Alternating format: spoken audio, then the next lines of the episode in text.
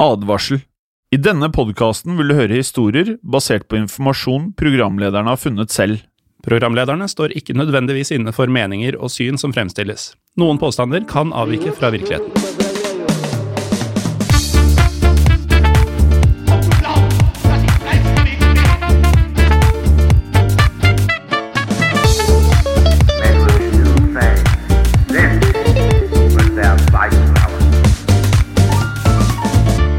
Velkommen til nok en episode av Historiepodden andre verdenskrig. Mitt navn er som alltid Jim Fosheim.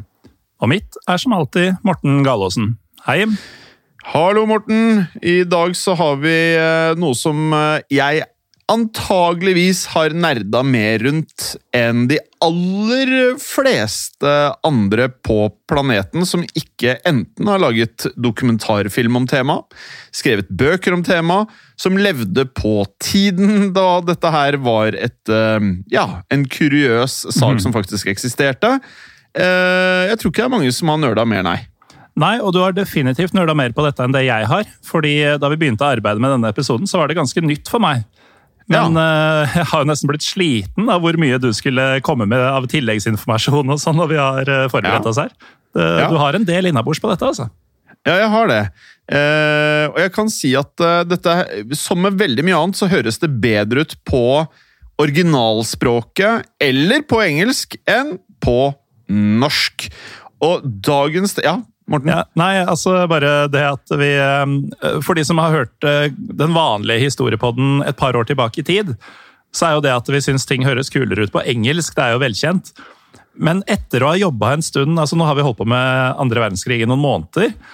Og eh, alt som vi syns hørtes kulere ut på engelsk, høres jo enda kulere ut på tysk. Ja. Det er det nye favorittspråket. Sånn Engelsk blir liksom Ja. first price, nå som vi har blitt vant til det. Men det som er med tysk, er at det kan noen ganger høres hardt ut. Andre ganger så høres det bare sånn veldig ekte ut, på en måte. Um, men uansett, uh, vi kan jo bare starte med å si da at uh, på norsk så er dagens tema noe ikke så veldig Det er ikke samme punchen, vi kan starte med det norske. Mm. Det vi skal prate om i dag, er Hitlers tog. Ja, Hitlers tog som heter Amerika. Det er på norsk. Det er på okay. norsk. Mhm. Og så har jeg gjort en eh, variant eh, til. Jeg har tatt det på fransk. Å, Eh, eh, ja. Eh, og da heter det Le Train de Hitler.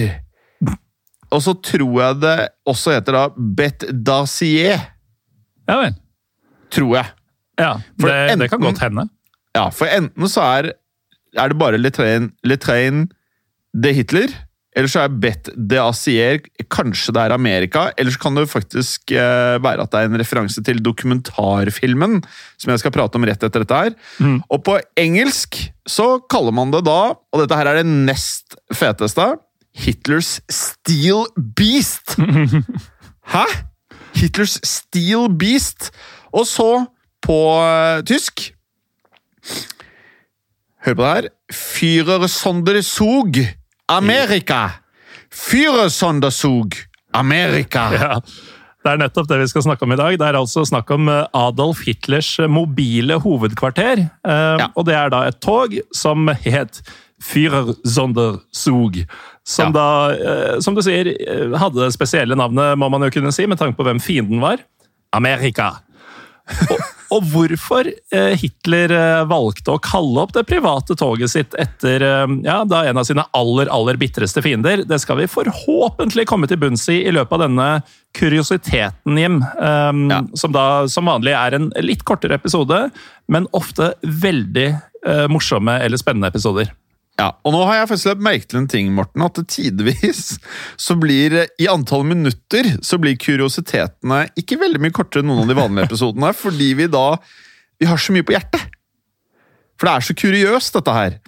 Eh, men i hvert fall, jeg kan jo legge til at eh, eh, Hitler, og hvis man ikke allerede har fanget opp det i eh, historie på den andre verdenskrig, så er det sånn at eh, Hitler hadde en helt, helt spesiell interesse for kjøretøy. Eh, og gjerne ulike former for kjøretøy eller transportmidler. Alt fra fly, ubåter, båter, tanks, eh, half-tracks, tog, biler, motorsykler, you name it. Hitler var interessert i dette her. Eh, og han er jo også kjent for å både ha hatt sin egen Mercedes og da et eh, eget eh, spektakulært seilskip som het SSS Horst Wessel. Eh, som eh, ja, det Han SSS Vi må jo nesten finne ut hva det også står for. Det blir jo en egen episode, man skjønner jo det. Eh, Men det er likevel dette private Führersonderzug Amerika som eh, tar kaken, føler vi, når det da kommer til kjøretøyene som han selv brukte. Ehm, og Hitler sa selv ved flere anledninger at eh, tog faktisk var hans foretrukne måte å reise på også. Ja, og det kan jeg kjenne meg igjen i. Det er lite som er så beroligende som å sette seg på et tog og bare la verden eh, fare forbi. Det er aldri en riktig setning hvor man kjenner seg igjen i noe med ø, Die Wolf Adolf Hitler. Nei, Men det, det... tog, vi kan være enige om at tog er en behagelig måte å komme seg fra A til B på. Det er det jo. Mm. Og spesielt da nattog, for da, da får du forflytta deg mens du sover. Du sparer den hotellovernattinga, og du har en ny dag på et nytt sted. Men nok Det om er det. så smart. Ja. Eh, Som du sier, Hitler eh, foretrakk tog når han skulle reise, og kanskje var det derfor at han i 1937 bestilte da sitt eget private tog. Og Planen var da at eh, dette toget det skulle brukes som et mobilt hovedkvarter, og han var derfor eh, meget spesifikk da han bestemte hvordan toget skulle utformes. Og antall detaljer og mm, funksjonaliteten som dette toget skulle ha, førte også at det tok, eh, tok lang tid å bygge dette her, for de bedriftene som hadde ansvaret for å bygge Führer Sonderzug. Ja, for det skulle faktisk eh, ta hele to år før de Führer-Sonderzug eh, ble ferdigstilt. Men da fikk Hitler til gjengjeld en eh, mildt sagt imponerende konstruksjon. For toget som i 1939 ble overlevert til eh, Hitler, det veide, hold deg fast, eh, herr Gallosen, 1200 tonn! 1200 tonn! Veide dette eh, eh, stålbeistet. Og det var faktisk da 430 meter langt! Ja, Så det er en drøy runde rundt en løpebane, eller en halv kilometer, om du vil. Ja, du får plass til gjester her, altså. Og på tross av disse 1200 tonnene, så hadde da toget en ganske høy maksfart. For det kunne komme opp i hele 120 km i timen, som var utrolig mye for et stålbeist på denne størrelsen her, da.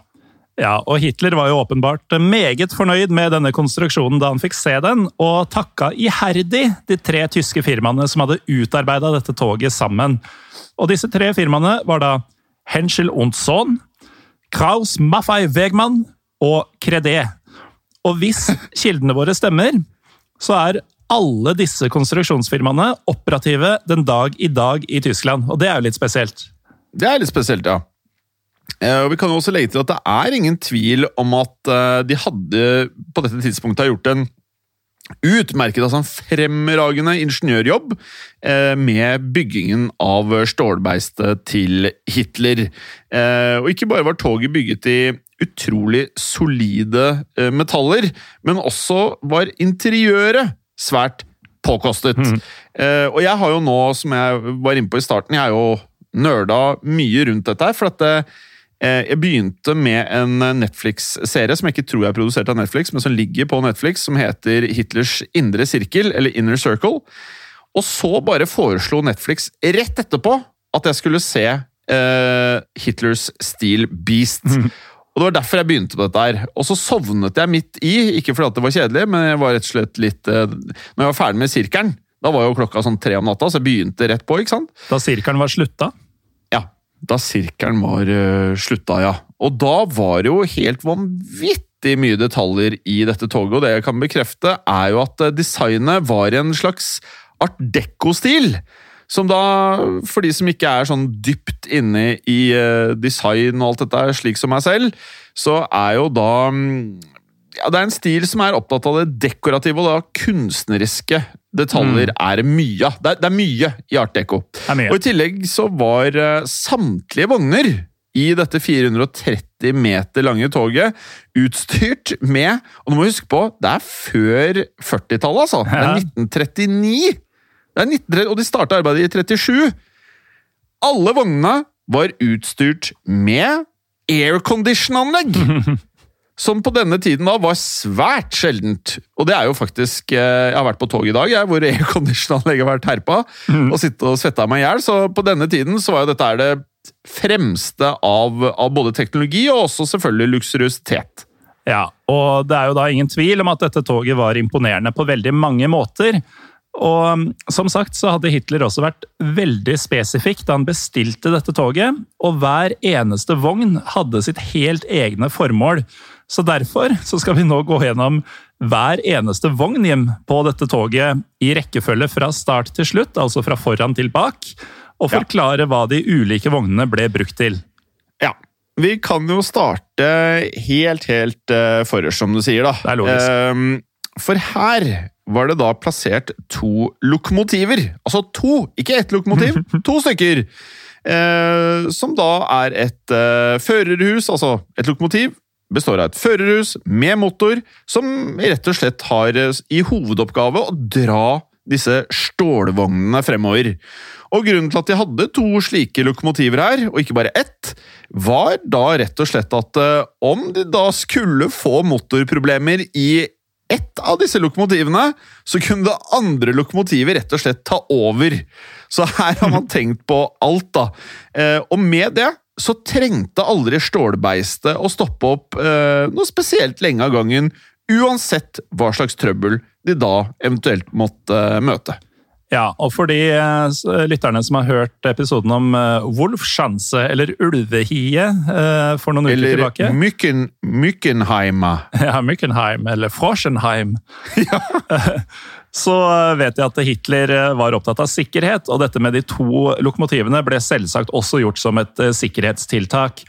For de visste jo at dette toget ville kunne være et fristende mål for potensielle fiender, og at eh, det derfor ikke ville være klokt å stå på ett sted for lenge av gangen. Ganske elementært, egentlig, men de tenkte jo da på at det måtte de ikke gjøre, og hvordan de kunne unngå det. Og etter disse to lokomotivene så var det også plassert enda et sikkerhetstiltak, nemlig en flakwagen. Som da var en pansra spesialvogn, designa mot luftangrep, og derfor også utstyrt med to luftvernkanoner. Ja, og Dette er jo selvfølgelig eh, helt ekstremt, da, men eh, denne vognen skulle jo da selvfølgelig bli brukt hvis de da oppdaget fiendtlige fly i luftrommet over toget. Og dette her høres ut som en episode av James Bond. altså En av skurkene har et sånt tog. Jeg tror faktisk eh, eh, Husker du den Steven Seagal-filmen uh, 'Kapring på åpent hav'? Ja, ja. Under I toeren så er det jo kapring i høy hastighet på et sånt tog som har litt div effekter. Og bak denne her flakkvagen uh, kom det som da var selve hjertet av stålbeistet, nemlig vognen til Adolf Hitler. Og denne vognen var Ja, det er en understatement å kalle det massivt, eh, for den inneholdt Ja, den inneholdt mye fasiliteter. Bare hør på følgende. Et forkammer som da var bevoktet av eh, Vi har fått opplyst to sikkerhetsvakter, det kan selvfølgelig vært flere. Og han hadde også en salong som da var utstyrt med et stort, omkranset bord av da det du kan tenke deg av luksuriøse sofaer laget av noe så spesifikt som lønnetrær. Ja. Eh, Og I tillegg så fantes det da et bad laget av marmor, og et soverom til Adolf. Hva sa du? Nei, selvfølgelig av marmor. Det Ja, selvfølgelig. blir jo ikke noe Kunne tyngre enn gull.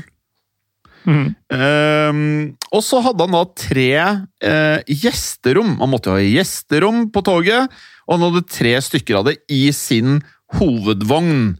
Ehm, og så hadde han et forkammer til eh, For dette er, som man vet, så går jo toget i, i begge ender. Så hadde han da et forkammer på den andre siden, som da var bevoktet av flere sikkerhetsvakter.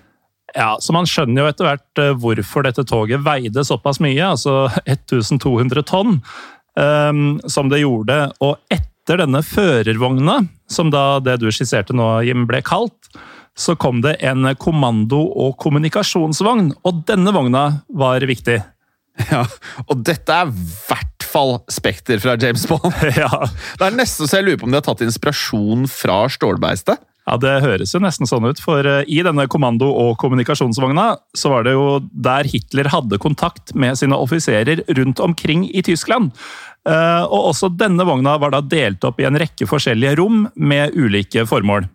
Ja, Det er helt riktig, for i denne vognen så fantes det et, eh, et konferanserom som da var fylt opp av på denne tiden selvfølgelig topp moderne teknologi.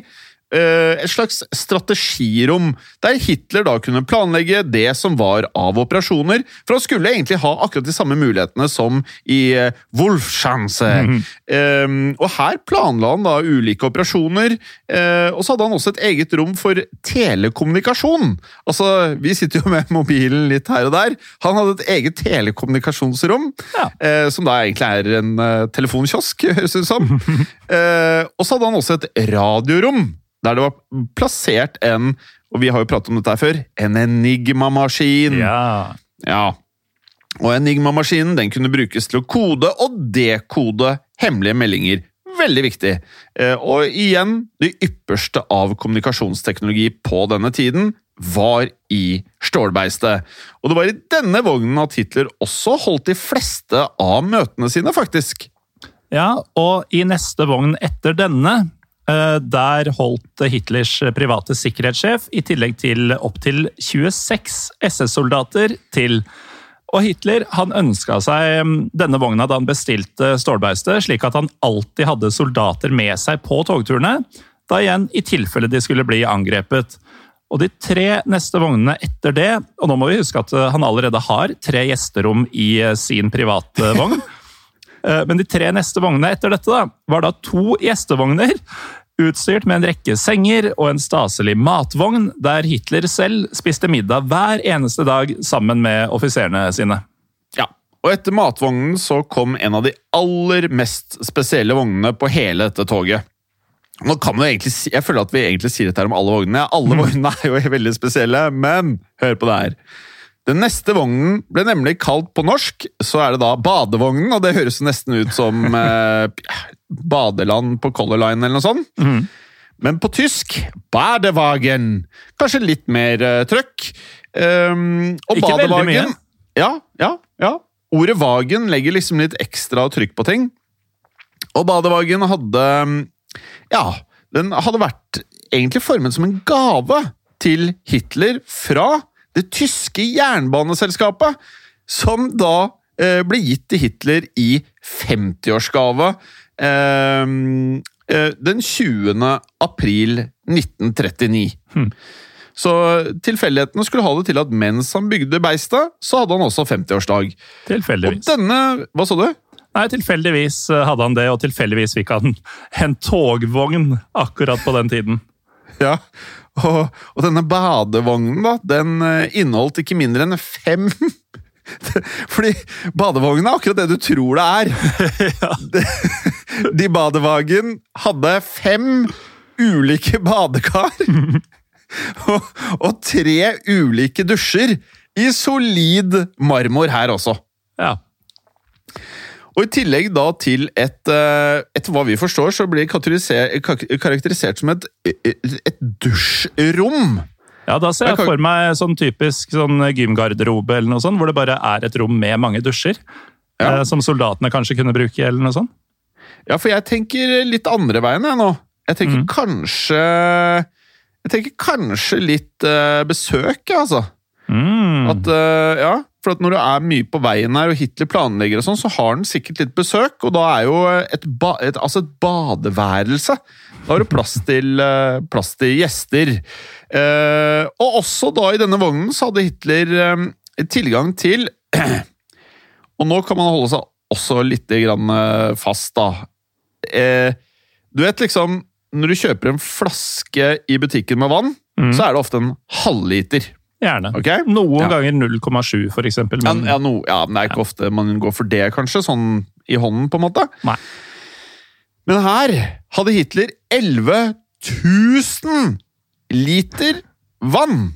Altså 22 000 av de der flaskene vi, vi kan ta i hånda. Han har 22 000 av disse i eh, badevogna si. Eh, og da er det heller ikke så overraskende at denne vognen var den aller tyngste i hele stålbeistet. Og badevognen den veide eh, eh, 78 tonnen. 78 tonn. Ja, og Det er jo sånn du får det når du fyller en togvogn med marmor og vann, tenker jeg da. Da Ja. blir det fort eh, noen titalls eh, tonn. Ja. Og etter denne spektakulære badevogna så ble toget avslutta med ytterligere tre vogner. Det var én matvogn til. Eh, Vi har jo allerede nevnt at det var en tidligere på toget som Hitler brukte. Det var en vogn ment for utarbeiding av propaganda, der de trykket eh, flyveblader, aviser og lignende. Altså, de, de hadde trykkeri i den ene vogna på, på toget her. Og helt til slutt hadde de da enda en flakwagen. Um, altså en av disse pansrede vognene for sikkerhets eh, skyld. Ja. Og, og dette var da alle vognene som befant seg på dette mildt sagt imponerende toget. Og det er jo ikke vanskelig å se for seg at Hitler ble fornøyd da han for første gang i 1939 fikk inspisere dette toget, som tilsynelatende var bygget nøyaktig etter de spesifikke kravene hans. Ja, og så med badevogna. Badevogna, ikke minst. Mm. Så han var sikkert både imponert og veldig glad. Ja. Men eh, før vi snakker mer om dette monstrøse toget, fordi selv om vi har eh, eh, forklart hvordan det så ut, så er det jo mer å si. Eh, ja. Og det skal vi gjøre etter en liten pause. Velkommen tilbake til historiepodden andre verdenskrig og denne historien om Hitlers tog uh, Führer Sonderzug Amerika. Eller bare stålbeiste. Stålbeiste. Før pause så gikk vi gjennom eh, samtlige av vognene som befant seg på dette toget, og så på hva de ble brukt til. Og at eh, dette toget var imponerende konstruert, det, det er jo en underdrivelse, nesten. Og Hitler var jo da også svært fornøyd da han fikk se dette toget, eller dette beistet, for første gang. Ja, og du husker det, Morten. Vi har jo pratet om eh, Big Bertha, altså denne vanvittige Det er også et tog. altså bare en, Det er et tog, men det er en kanon. Altså Hele toget er bare en svær kanon. Ja. Og, og disse eh, nazistene likte jo at ting skulle være jævla svært, og veldig mye power, og det skulle være sykt tungt! Ja. Altså, bare bruke ekstreme mengder med metall, det var løsningen på veldig mye. Eh, og da er det jo visse problemer som dukker opp, i likhet med Big Bertha. Mhm. Ja. Eh, eller for eksempel, eh, vi pratet jo om eh, Schwerer Gustav. ja, ja. Ja, Schwer Gustav og Big Bertha. Uansett. Eh, det var likevel da et problem med beistet som måtte løses før det kunne bli tatt i bruk. Og siden dette toget var eh, mildt sagt tungt, så brukte det også Og da prater vi om vi, I dag prater vi om at eh, SUV-er bruker mye eh, bensin. Det greiene her, det her var rett og slett som å bare tenne på en oljepumpe. For her bare, bare sugde drivstoff. Eh, noe som da ville eh, være kontrapragmatisk i forhold til det Hitler ønsket, som var at det alltid skulle være bevegelse. Mm. Men ved å bruke så store mengder med drivstoff, så ville jo det føre til at beistet da ofte måtte stoppe opp over lengre perioder for å rett og slett fylle på med mer drivstoff. Og ja, man ønsket jo Hele poenget med beistet var at det alltid skulle være i bevegelse, sånn at det var mindre sårbart for angrep. Ja, og toget brukte da såpass mye drivstoff at man var nødt til å fylle på mer etter bare 50 km.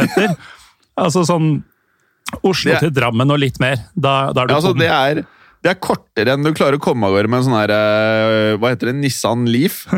ja. Og det var jo uaktuelt for Hitler å stoppe i flere timer hver gang de hadde kjørt fem mil. Eh, Så løsninga ble å utplassere flere lokomotiv fylt opp av drivstoff langs hele strekninga de skulle kjøre. Og dermed så kunne de bare skru av det gamle lokomotivet. Og vi må jo da huske at de hadde jo allerede to lokomotiver på toget. Men de skulle da bare skru av det gamle lokomotivet og sette på et nytt et hver gang de gikk tom for eh, drivstoff. Altså hver Ja. 50. kilometer. Ja. Og, og, og, og her ikke sant? Dette her Det er bare nazistene som gjorde sånn. Det her er sånn nazistisk eh, påfunn. Eh, og, denne taktikken her, da, det krevde jo selvsagt ekstreme mengder med planlegging. Eh, men som med veldig mye av disse her ville, sprø ideene til nazistene, så viste det seg likevel, for vi sitter her og ler, for det er jo helt sjukt, men det fungerte tålelig greit, dette Ja, det her gjorde det. Eh, sjuke opplegget deres.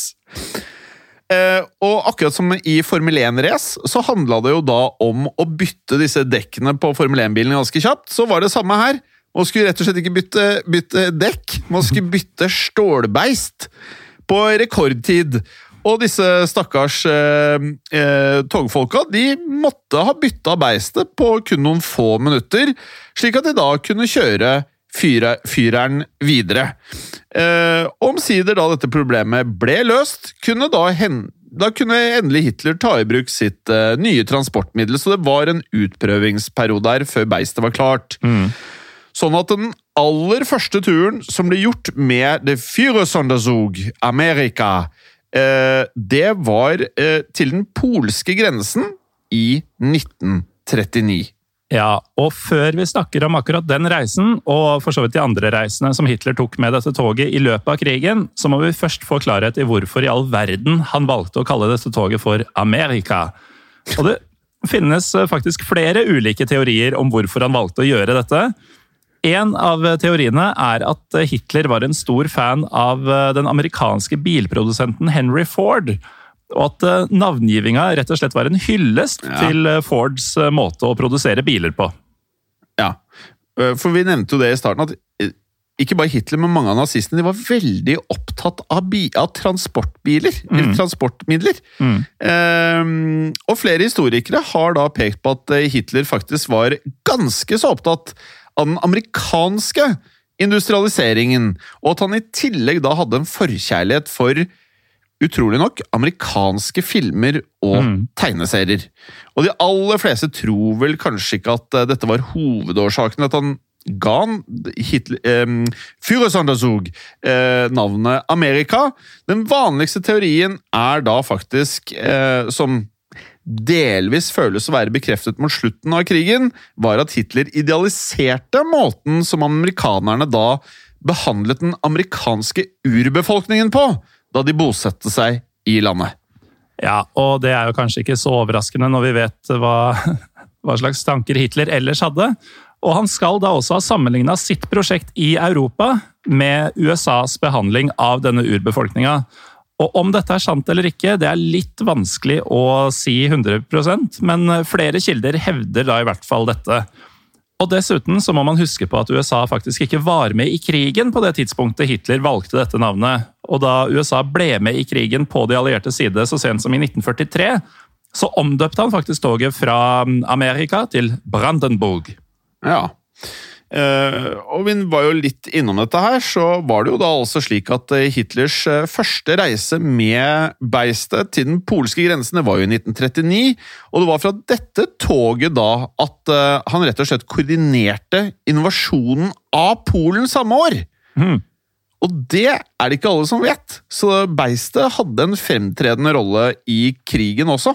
Eh, og etter dette så fikk Hitler eh, bygd flere andre hovedkvarter, eh, og med det så ble ikke toget da av Hitler ansett som like viktig, og ble mindre og mindre brukt som hovedkvarter. Hitler brukte likevel beistet flere ganger resten av krigen, men mer som et sånn privat transportmiddel, for det hørtes jo ut som du kunne ha det ganske behagelig på beistet, da.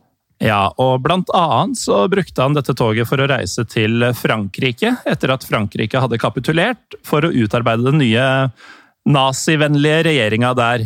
Og etter dette så dro han også ned til Spania med toget, for å snakke med den spanske diktatoren Franco, i tillegg til at han reiste til Italia for å møte den italienske diktatoren Benito Mussolini. Så dette toget det kom seg ikke bare rundt omkring i Tyskland, men han dro jo rundt i Europa med det. Ja, og her ønsker jeg bare å spørre om eh, lytternes eh, hjelp. Fordi når du nevnte Benito Mussolini nå, så eksisterer det eh, Altså, det skal angivelig være materiale der ute om et møte mellom Mussolini og Hitler, hvor Mussolini ønsket å si til Hitler at han ønsket å dra Italia ut av annen verdenskrig, hvor, hvor angivelig Hitler hadde tatt så store mengder med mest sannsynlig da metamfetamin at han ikke sluttet å prate, og at Mussolini aldri klarte å komme med beskjeden om at han ønsket å trekke Italia ut av annen verdenskrig. Om dette stemmer eller ikke, om det bare er en konspirasjon, jeg vet ikke, men vi trenger hjelp fra dere lyttere der ute til å rett og slett sende oss kilder. For at vi da Enten så må vi lage en konspirasjonsepisode om dette her, eller at vi faktisk da får frem fakta. Så dette her er egentlig bare å gå rett inn på historie for alle eh, gruppen vår på Facebook, og dunk inn linker til dette angivelige møtet som har funnet sted. Mm. Uansett, det er i det hele tatt uh, tydelig da at Hitler likte seg svært godt på toget, uh, og valgte derfor å tilbringe så mye tid som mulig på beistet i løpet av krigen. Og det hendte også ved flere anledninger at han inviterte prominente personer til å bli med på lengre togturer, for det var jo sikkert no en måte å imponere folk på. Eh, det mest kjente tilfellet er kanskje da Hitler tok en togtur sammen med Englands tidligere konge, nemlig Edvard den 8. Ja, og det ble jo selvsagt en stor kontrovers i Storbritannia. Eh, Edward abdiserte nemlig allerede i 1936, og var resten av krigen en støttespiller for Hitler og for Hitlers nazistiske ideologi. Og um, Edward han skal også ha vært naturligvis svært imponert over dette toget, og likte seg godt på togturen sammen med føreren. Og da krigen eh, nærmet seg slutten, så beordret Adolf Hitler at hans eh, eh, Führersonderzug, Amerika eller Brandenburg eh, skulle destrueres, som Hitler gjorde med ekstremt mye ting mot slutten av krigen. eh, og hovedgrunnen til dette var jo at i og med at eh, toget var blitt brukt som et hovedkvarter over lengre periode, og også til andre strategiske møter, så var det jo slik at eh, det var jo en del viktige dokumenter her. Og for dere som er litt yngre, som da eh, aldri har signert et fysisk papir, kanskje, jeg vet ikke, og ikke er vant med ringpermer, så var det slik at det back in the days så var det ringpermer, det var papirer, eh, og disse tingene her var jo da åpenbart eh, noe som ikke skulle havne i hendene til de allierte eller eh, til sovjeterne. Nettopp. Så han ønsket med det at hele så skulle opp i lufta. Og han ønsket heller ikke at noen av de andre skulle få kose seg med beistet. Men uh, tyskerne klarte, klarte kanskje ikke å ødelegge hele toget, men de klarte å ødelegge store deler av det. Men noen deler av vognene ble likevel bevart, og de finnes faktisk den dag i dag på ulike museer verden over. Ja, og med denne delvis vellykka destruksjonen av uh, Führer eh, Sonderzug, så har vi kommet til slutten på denne kuriositeten om Hitlers private tog, eh, som het Amerika, som bytta navn til Brandenburg, og som til slutt i stor grad gikk opp i eh, lufta. Um, og da eh, nevnte jo du Facebook-gruppa vår, Jim, Historie for alle. Eh, stadig flere medlemmer, stadig mer aktivitet, kjempegøy. Men vi har jo Ja. også en Facebook-side eh, Ja. og en Instagram-konto som begge heter Historiepodden Norge. Ja. Eh, også en liten sånn eh, shout-out til eh, en god venn av oss, eh, Morten. Pernille Radeid, som Mm. eh, er programleder i flere podkaster i moderne media, annet True Crime-podden. Pernille har sluppet en eh, splitter ny podkast som eh, nok av mange vil eh, oppfattes som det beste hun har laget så langt, som heter True Crime-podden Dokumentar. Som da er True Crime-podden, bare at det går eh, vesentlig mer i materien. Mm. Og jeg vet hva som kommer. Den, den sesongen som er ute nå, den kom vel forrige uke. Fantastisk. Men det som kommer uken etter nå, det blir helt insane. Så den finner du både på iTunes og på Spotify. Um, og med det, Morten, så uh, Vi kan jo minne om at folk også kan høre på Historiepodden, som er en annen podkast med uh, de to kroppene som prater nå. Ja, det stemmer. Eh, Den kommer ut eh, hver tirsdag, er det vel? Mm. Det er helt riktig, det. Eh, og med det så er det jo litt sånn, folkens. Dette her har faktisk skjedd. Og det kan skje igjen. Kanskje. Ha det bra. Ha det. I produksjonen av Historiepodden så ønsker vi å takke Håkon Bråten for lyd og musikk. Takk til Felix Hernes for produksjon. Takk til Ellen Froktenestad for tekst og manus. Og takk til deg, Morten Galesen, for programlederrolle. Og takk til deg, Jim Fosheim, for programlederrolle. Moderne media. Kiwi er billigst i VGs matbørs og har vært billigst i fire av de fem siste VGs matbørser. Og nå presser vi prisene på frukt og grønnsaker. På 200 gram broccolini setter vi prisen til 24,90. På 400 gram Cevita blåbær setter vi prisen til 49,90. Og husk, alle Kiwi Pluss-kunder får i tillegg 15% trumfbonus på all fersk frukt og grønt. For det er vi som er prispresserne. Og vi i Kiwi gir oss aldri på pris.